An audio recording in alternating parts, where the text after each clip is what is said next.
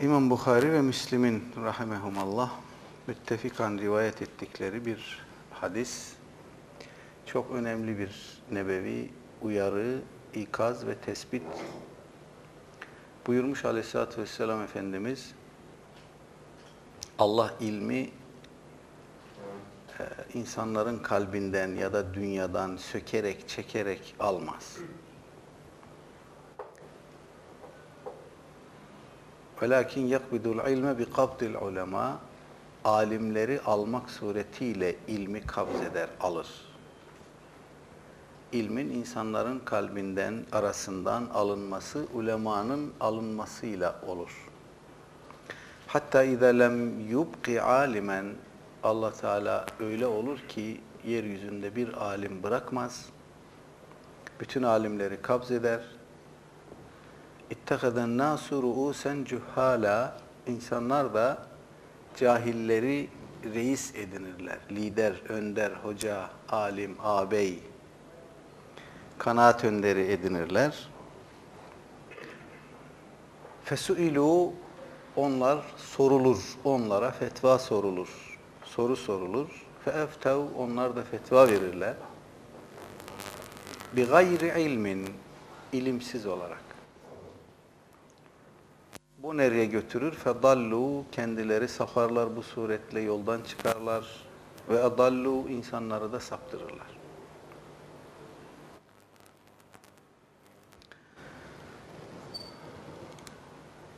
Bu e, sohbetlere, seminerlere aşina olan kardeşlerimiz hatırlayacaklar. Ahir zamandan bahsederken üzerinde en sık durduğumuz rivayetlerden birisi bu.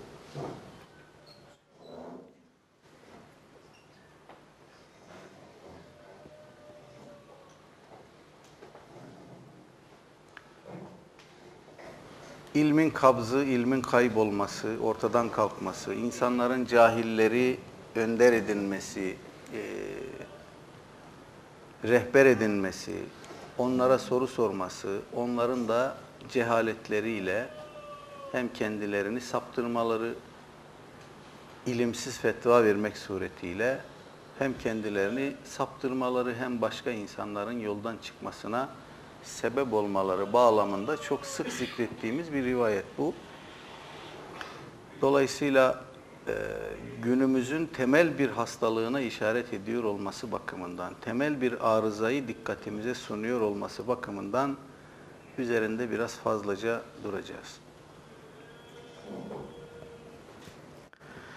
Bir kere hadisin ortaya koyduğu bir hakikat var. Bir gün gelecek ilim insanların arasından çekilip alınacak. İnsanların alimsiz dolayısıyla ilimsiz kalacağı bir zaman dilimi olacak. Aleyhisselatü Vesselam Efendimiz e, bu temel bir e, arızadır, temel bir tehlikedir. Böyle olduğu için Aleyhisselatü Vesselam Efendimiz veda haccı hutbesinde bu duruma dikkatimizi çekmiş ve buyurmuş ki kabzolunmadan veya kaldırılmadan önce ilmi almaya, öğrenmeye bakın. Veda hutbesinde ümmetinin dikkatini çektiği temel meselelerden birisi bu. Bu cümle üzerine bir bedevi ayağa kalkıyor ve diyor ki, Resulallah ilim nasıl kaldırılır? Bunun üzerine Aleyhisselatü Vesselam Efendimiz üç kere dikkat edin ilmin kaldırılışı, gidişi ilim ehlinin gidişiyle olur. Dikkat edin ilmin kaldırılışı, gidişi ilim ehlinin gidişiyle olur. Dikkat edin ilmin kaldırılışı, gidişi ilim ehlinin gidişiyle olur. Üç kere bunu tekrar etmesi bu meselenin önemini, ehemmiyetini ve behemehal vuku bulacağını gösteriyor Aleyhisselatü Vesselam Efendimizin böyle üç kere bunu tehkitli olarak tekrar etmesi. İmam Ahmet ve Darekutni rivayet etmiş bu son söylediğim veda hutbesini. Evet birinci hakikat bu. Bir zaman olacak. Alim kalmayacak yeryüzünde. Ee, alimler kabz olacak. Dolayısıyla ilim de kalkacak, ilim de kalmayacak. Böyle olunca ne olacak? İnsanlar cahilleri rehber edinecek, önder edinecek ve onlara fetva soracaklar, soru soracaklar. Burada da biraz duralım. İnsanlar acaba e, cahil olduğunu bildikleri bir kimseyi niye önder edinir, rehber edinir? Niye onu fetva soracak, soru soracak mevkide görür? Çünkü onun cahil olduğunu bilmez. Hiç kimse bir konunun cahili olduğunu bildiği bir kimseye o konuda soru sormaz. Ben doktor değilim, kimse gelip bana bir hastalık sormuyor. Bir hastalığın ilacını, tedavisini sormuyor. Çünkü ben bu konunun cahiliyim. Keza kimse bana hukuki meseleleri de sormuyor. Ben bu meselelerin de cahiliyim. Ama birileri beni doktor zannedecek olsa ya da hukukçu zannedecek olsa gelip soracaklar. Ben de kendimi öyle takdim edeceğim. İnsanlar beni doktor, hukukçu zannedip bu sahalarla ilgili bana soru soracaklar. Ben de olur olmaz e, cevaplar vereceğim. Hem kendim sapacağım hem onları saptıracağım. Demek ki insanların kafasında alim ve cahil kıstasları e, kaybolacak. Bu önemli bir şey. İnsanlar ancak bu suretle cahili alim mevkiine koyacak, cahile fetva soracak ve e, o da hem kendi sapacağı hem soranı saptıracağı biçimde yalan yanlış cevaplar üretecek. O zaman burada bir sorumluluk çıkıyor karşımıza. Biz genellikle hep e, fetva sorma, fetva verme meselesi bahis konusu olduğunda genellikle fetva veren konumundaki insanın ehliyetinden ya da ehliyetsizliğinden bahsederiz. Ama fetva sormak da bir sorumluluktur. Kime fetva sorulacağını bilmezse bir insan karşısındaki adamın vebalini de yüklenmiş olur. Soru soracağı, fetva soracağı insanı iyi tespit etmek, fetva sormak durumunda kalan insanın sorumluluğudur. Her önüne gelene fetva sorarsanız ortalıkta böyle bir mefsedetin e, yayılmasına sebebiyet verirsiniz. Fetva vermek de bir sorumluluktur, sormak da bir sorumluluktur. Ne yapıp edeceğiz? Bize Allah'ın hükmünü haber vereceği konusunda kalbimizde itminan olan, hiçbir şüphe bulunmayan insanı bulup ona soracağız. Çünkü Adabul İfta vel İstifta veya Adabul Müfti kitaplarında fetva nedir sorusuna ulema diyor ki fetva bir konuda Allah'ın ve Resulünün hükmünü haber vermektir.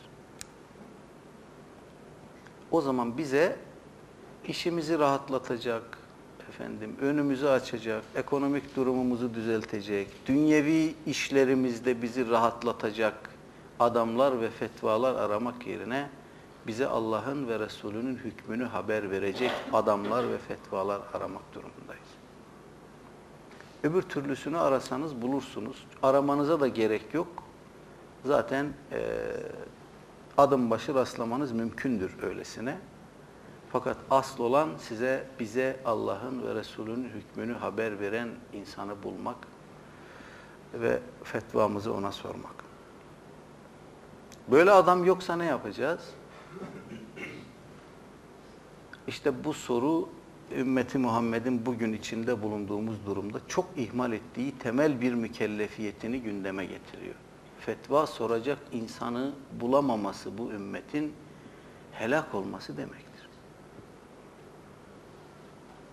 Çoluk çocuğumuzun geçimi için nasıl e, canla başla didiniyoruz. Efendim, gece gündüz çalışıyoruz, uğraşıyoruz.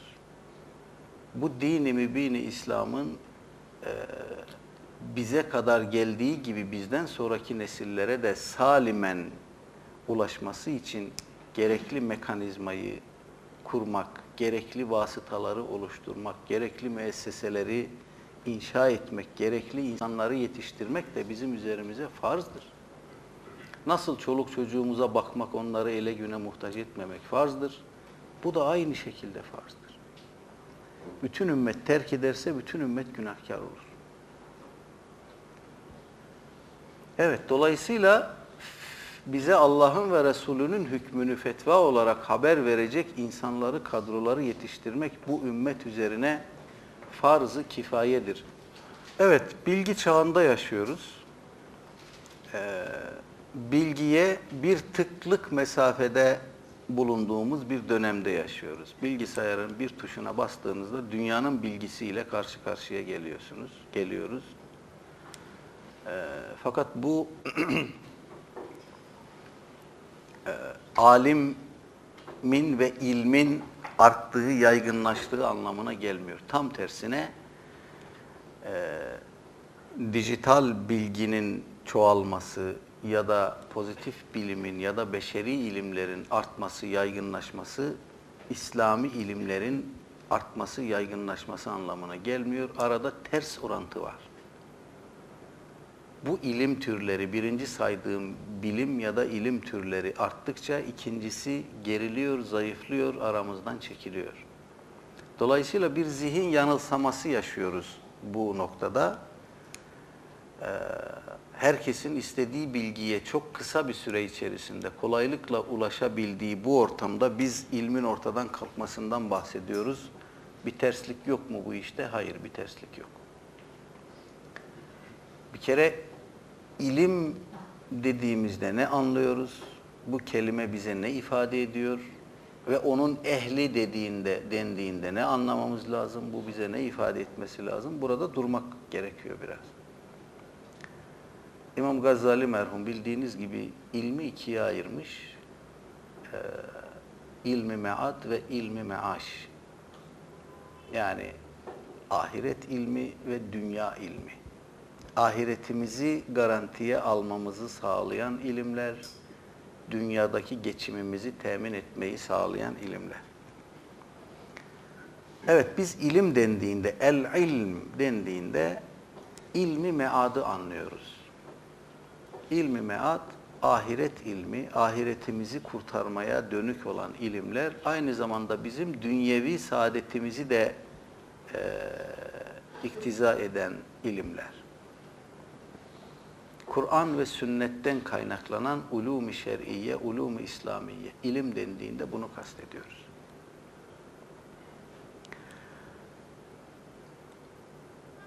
Kur'an ve sünnet ila yevmil kıyame baki. Allah Teala Kur'an-ı Kerim'i zikri hakimi koruyacağını vaat etmiş, bunu garanti etmiş. Böyle olduğu halde ilim nasıl oluyor, azalıyor? Nasıl olacak insanların arasından çekilip alınacak? Gerçekten enteresan bir şey. Aleyhisselatü Vesselam Efendimiz Ebu Derda radıyallahu anh'ın naklettiği bir hadiste bir süre başını göğe kaldırmış, sık sık yaparmış, başını göğe kaldırır, bir süre tefekkür edermiş. Gene böyle bir tefekkürden sonra ilmin aranızdan çekilip alınacağı zamanlar yakındır buyurmuş. Orada bulunan bir sahabi demiş ki ya Resulallah Kur'an elimizde biz Kur'an'ı okuduk, anladık, okuyoruz. Evde çocuklarımıza, hanımlarımıza okutuyoruz. Böyle olduğu halde ilim aramızdan nasıl çekilip alınır? Aleyhisselatü Vesselam Efendimiz bu sahabiye dönmüş Ziyad İbni Lebid radıyallahu anh. Demiş ki anan seni kaybetsin ey Ziyad. Ben seni Medine'nin fakihlerinden sayardım. Medine'nin derin kavrayış sahibi insanlarından sayardım. Senden böyle bir şey duymak beni şaşırttı anlamında. Ve arkasından buyurmuş ki Tevrat ve İncil Yahudilerin ve Hristiyanların elindeydi. Onlara bir fayda sağladı mı? Evet, Kur'an'ın elimizde bulunması ilmin aramızdan çekilip alınmasına mani teşkil etmeyecek. Arkadaşlar bu nokta son derece önemli. Kur'an'ın bize Allah Teala'nın muradını e, vermesi ancak ve sadece Kur'an ilimlerine vakıf insanlar vasıtasıyla mümkündür. Başta sünnet-i seniye olmak üzere bizim ulumul Kur'an ve usulü tefsir dediğimiz sistemler, Kur'an-ı Kerim'in bize neyi nasıl söylediğini e, anlatan, öğreten sistemler. Bu bakımdan İmam Ebu Hanife rahimehullah pek çok kaynakta nakledilir ki e, eğer sünnet-i seniyye olmasaydı biz Kur'an-ı Kerim'den hiçbir şey anlamazdık buyurmuş. Eğer sünnet-i seniyye olmasaydı biz Kur'an-ı Kerim'den hiçbir şey anlamazdık. Bunu söyleyen İmam-ı Azam Ebu Hanife. İmam Şafii rahimehullah'tan da nakledilen bir söz var. Sünnet Kur'an'ı şerh eder, ulema da sünneti şerh eder. Sünnet Kur'an'a bir Kur'an sünnete bir alan bırakmış. Sünnet de ulemaya bir alan bırakmış. Dolayısıyla e, nihai nokta olan, nihai hedef olan kelamullahın, kitabullahın anlaşılması ulemanın vasıta e, arada vasıta olmasıyla mümkündür.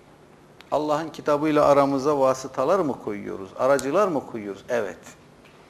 Allah'ın kitabıyla aramıza aracılar koyuyoruz. Birileri bu, bu, bu kısmı kesecek videodan internete koyacak. Ebu Bekir Sifil dedi ki Allah'ın kitabıyla aramıza aracılar koyuyoruz. Madem ki Allah'ın kitabı bizi ulemaya yönlendiriyor. Bilenlerle bilmeyenler bir değil. Madem ki Allah'tan en çok korkanlar alimler. O zaman kendi kendimizi niye kandırıyoruz ki? Bir ideolojik propagandanın e, ayartıcı büyüsüne niye bu kadar kolay kapılıyoruz ki?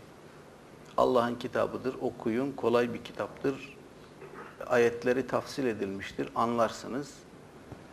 Ebu Hanife gibi bir adam diyor ki sünnet olmadan Kur'an'ı anlamayız. Biz diyoruz ki anlarız. Bu işte bir terslik olduğu kesin. Ee, problem şuradan çıkıyor. Sonuçta herkes anlayış seviyesi en kıt bir insanın bile eline bir metin verin, ona bir şey söyleyin. O söylediğiniz şeyden bir şey anlar. Aklı başındaysa, şuuru yerindeyse, muhakemesi, havsalası sağlamsa söylediğiniz şeyden bir şey anlar. Anladığı şeyin yanlış ya da doğru olduğu meselesi başka bir mesele. İşte burada tıkanıyoruz. Burada iş karışıyor. Kur'an'dan anladığımız şey modern zamanlarda modern çağdaş Kur'an yorumcularının Kur'an'dan anladığı şey muradullah mıdır? Mesele bu. Yoksa tabii ki herkes okuduğu cümleden bir şey anlar, bir netice çıkartır.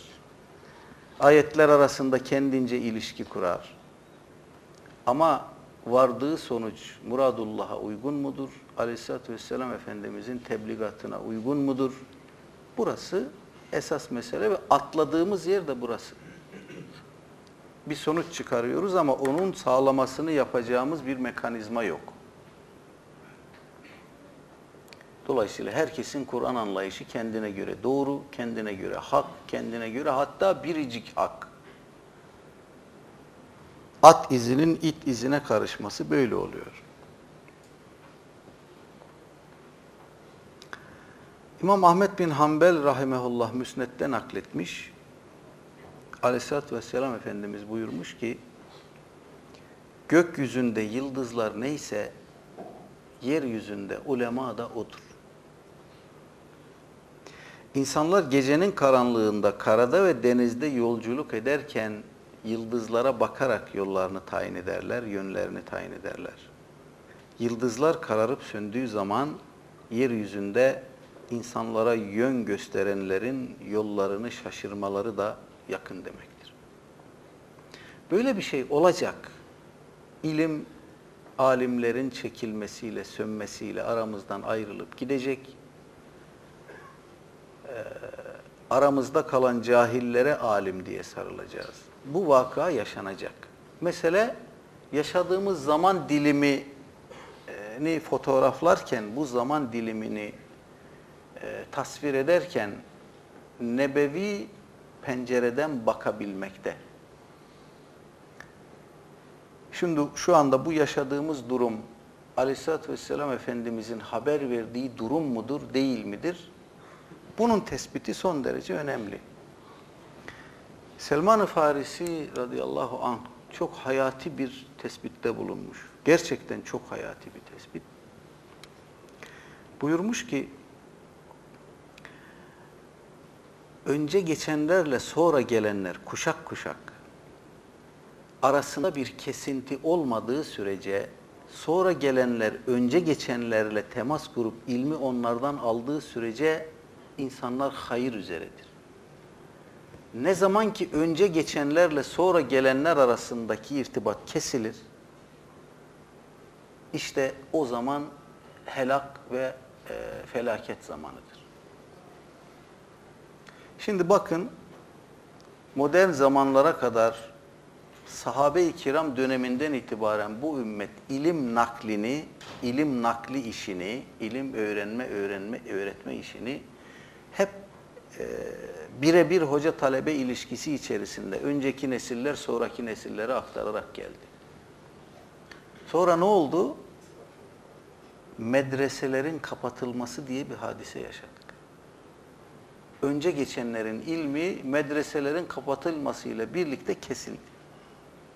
Şu anda ilim adına konuşan insanlar öncekilerden daha evvel nesillerde vuku bulduğu şekilde kitlesel olarak ilmi alıp nakleden insanlar değil.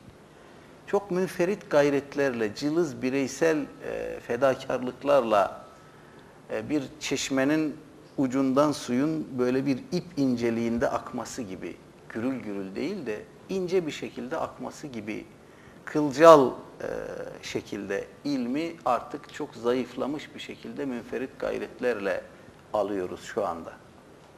Dolayısıyla Selman-ı Farisi Hazretlerinin söylediği şey birebir tahakkuk etmiş durumda.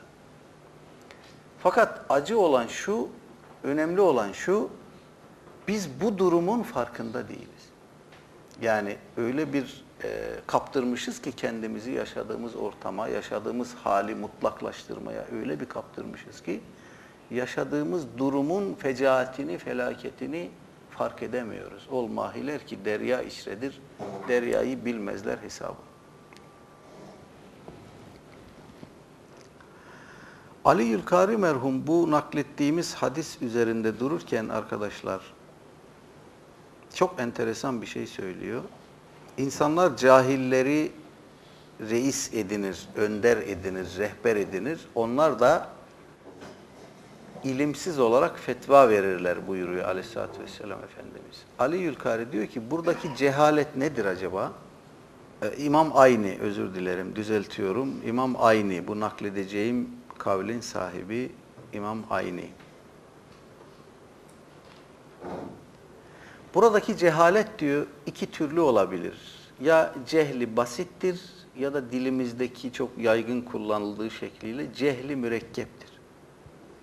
Ya cehli basittir ya cehli mürekkeptir. Cehli basit nedir? Cehli basit bir adamın bir şeyi bilmemesi ve fakat bilmediğini de bilmesidir. Yani ben falan konuyu bilmiyorum, bunun farkındayım, bilmediğimi biliyorum ve bunu da insanlara söylüyorum. Bu cehli basittir. Cehli mürekkepse bir insanın bir meseleyi bilmemesi ve fakat bilmediğini bilmemesi. Bildiğini zannetmesi yani. Cehli mürekkep bir insanın bilmediği bir meseleyi bildiğini zannetmesidir. Esas tehlikeli olan budur diyor İmam Ayni. Günümüzdeki cahil fetva ehli, cahil müftiler daha doğrusu, müfti derken Diyanet Teşkilatı mensubu müftileri kastetmiyoruz. Fetva veren herkes. Çünkü ulema öyle diyor. Bir insan bir konuda hüküm verdiği zaman, herhangi bir konuda bu şöyledir dediği zaman fetva vermiştir. O, o yaptığı iş fetva vermektir. Çünkü hüküm veriyor. Ortaya bir hüküm cümlesi koyuyor.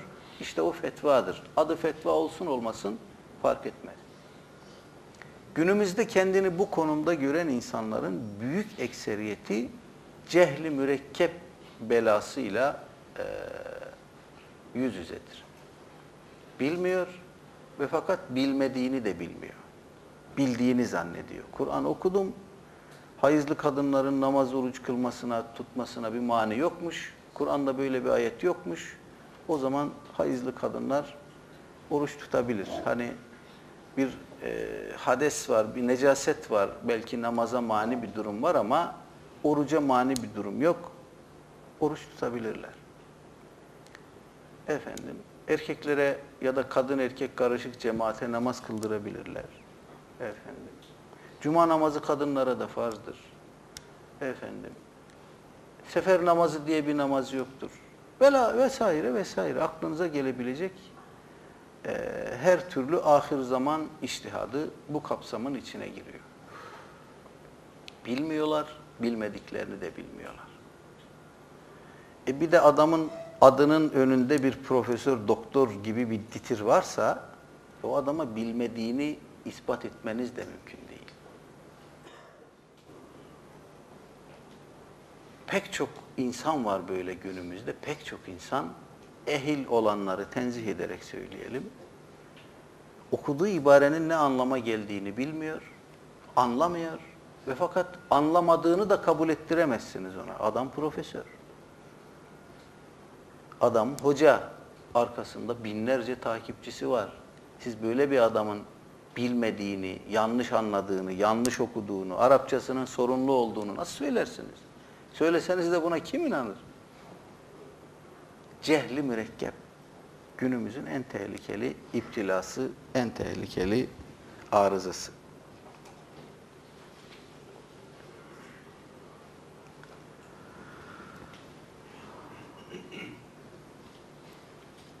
Evet, bu rivayet netice olarak arkadaşlar bize ne anlatıyor? Bu rivayet bize diyor ki bir gün gelecek ilim alimlerin ölümüyle aranızdan çekilip alınacak.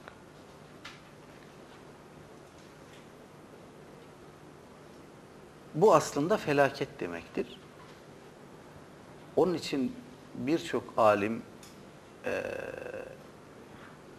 ulul emrin ilim adamı yetiştirmek, ilim adamı yetiştirecek müesseseler kurmak ve buraları ayakta tutmak en başta gelen vazifesidir demişler. Yani yol yapmak, köprü yapmak, imar inşa faaliyetlerinde bulunmak vesaire tamam. Ama bütün bunların başında, en önünde ilim adamı yetiştirecek müesseseleri kurmak ve yaşatmak sorumlular üzerine, devlet yöneticileri üzerine farzdır demişler. Çok önemli bir mesele. İkinci husus, cahilleri e, rehber edinmeyelim, kılavuz edinmeyelim, cahillere fetva sormayalım. Cahillerin kendilerinin sapmasına, bizi de saptırmasına zemin hazırlamayalım ahiretimizi tehlikeye atmayalım. Allah ve Resulünün hükmünü eğer yaşayanlar arasında soracağımız kimse yoksa İmam Şatibi'nin dediği gibi rahmetullah ölmüş gitmiş olanların fetvalarından arayalım. Bu çünkü daha eslem bir yoldur. Ölmüş bir adamın maruz kalacağı bir tehlike, bir sapma tehlikesi yoktur. Geçmiş nesiller bizden takva cihetiyle de, ilim cihetiyle de daha ilerideydi. Dolayısıyla ahiretini garantiye almak isteyen kimse öncelikle Abdullah İbni Mesud radıyallahu anh Efendimizin dediği gibi geçmiş gitmiş olanlara baksın. Onlardan istifade etmeye baksın. Üçüncüsü, bilmediğimiz hususlarda fetva vermeyelim. iki arkadaş kendi aralarında konuşurken birisi bir şey söyler, öbürü de mukabeleten bir şey söyler. O verdiği şey, söylediği söz fetvadır, farkında değildir. Onun bir vebali vardır. Hüküm cümlesi kurarken dikkat edeceğiz. Hüküm cümleleri kurmadan önce bu kuracağımız cümlenin fetva olduğunu fark edeceğiz ve bundan sarfı nazar edeceğiz. Çok iyi bilmiyorsak. Çok iyi bildiğimiz bir mesele ise, sağlaması yapılmış bir mesele ise, sağlam bir kaynaktan alınmış bir mesele ise tamam ama e, emin değilsek bana göreli e, cümleler kurmayacağız. Üçüncü bir husus, fetva kitaplarına bakarak oralardan hüküm çıkartmayacağız. Günümüzde çok sık yapılan yanlışlardan birisi de bu. Fetavai Hindiye diye bir kitap basıldı. Veya işte buna mümasil fetva kitapları basılıyor. Basanlara bir şey demiyoruz tabii ki. İlim ehli istifade etsin diye basıyorlar. Ama biz e, doğrudan doğruya buralara bakıp buralardan hüküm çıkartmayacağız. Çünkü fetva kişiye özeldir. Duruma özeldir, kişiye özeldir. Orada gördüğümüz fetvanın o fetvayı soran adamın durumuna özel olduğunu unutmamamız lazım. O adamın durumuyla bizim durumumuz arasında önemli nüanslar olabilir, önemli farklılıklar olabilir. Burayı atlamayalım, fetva kişiye özeldir. Bir diğer husus, bu hadisin ifade ettiği bir diğer hakikat, fetva makamı hakiki riyaset makamıdır. İttehaden nasu ruusen cuhala buyuruyor Efendimiz. İnsanlar cahilleri reisler edinirler, önderler, rehberler edinirler. Gerçek anlamda toplumun rehberi, önderi kimdir? Fetva ehlidir, ilim ehlidir.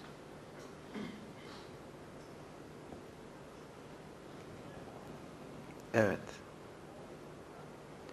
Ve tabii ki bu makamı ehil olmayan insanların eline terk etmemek bu ümmetin ortak sorumluluğudur, kolektif sorumluluğudur.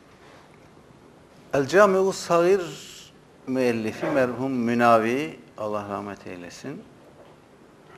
Bu hadis üzerinde dururken şöyle bir tespitte bulunuyor. Diyor ki burada aleyhissalatü vesselam Efendimiz Kur'an'ın kaldırılacağından değil, ilmin kaldırılacağından bahsediyor. Bu demektir ki diyor, Kur'an'ın aramızda, elimizde mevcut olması, ilmin de elimizde, aramızda mevcut bulunmasını garanti etmez. Az önce naklettiğim Ebu Derda radıyallahu anh hadisi de buna işaret ediyordu aramızda elimizde Kur'an'ın bulunması, ilmin de bulunması anlamına gelmiyor.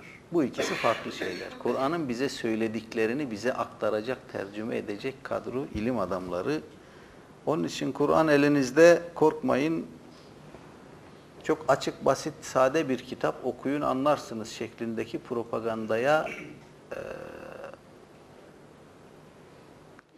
kapılmadan bu propagandanın büyüsüne, ayartıcılığına kapılmadan hakikati neyse bütün çıplaklığıyla görmek, algılamak zorundayız.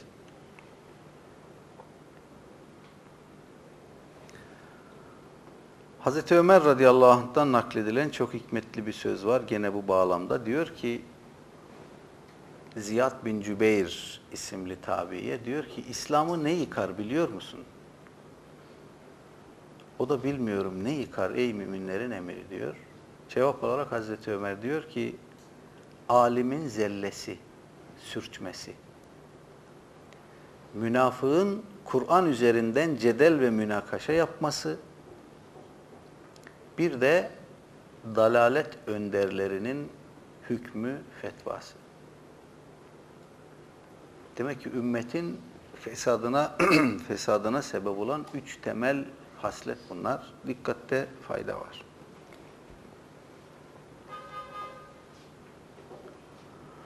Bu okuduğumuz hadisle arkadaşlar e, Aleyhisselatü Vesselam Efendimiz'den nakledilen kıyamete kadar ümmetimden hakka arka çıkacak bir taife bulunur şeklinde nakledilen ki sahih bir hadistir. O da bu hadis arasında bir tearruz var mı acaba? Kıyamete kadar hakka arka çıkan bir taife bulunur ümmetimden buyurmuş Efendimiz. Burada da ilmin, alimin kaldırılacağından bahis var. Acaba bu iki rivayet arasında bir çelişki, bir tearruz var mı? İmam Bukhari rahimehullah ve daha başkaları bu rivayetteki hakka arka çıkacak olan taifenin alimler, ilim ehli olduğunu söylemişler. Böyle baktığımızda da bir tearruz var gibi görünüyor. Ama bu ikinci okuduğum rivayetin e, farklı kaynaklardaki metinlerini bir araya getirdiğimizde bakıyoruz ki Aleyhisselatü Vesselam Efendimiz bu ikinci rivayette bahusus cihat ehlinden bahsediyor. Yani kıyamete kadar e, hakka arka çıkacak, hakkı kılıcıyla, silahıyla müdafaa edecek, bu uğurda cihad edecek bir taife kıyamete kadar bulunur buyurmuş Efendimiz. Hatta bu ümmetin ahiri Deccal ile savaşana kadar. Dolayısıyla bu iki rivayet arasında bir tearruz olmadığını söylemek durumundayız. Vallahu alem.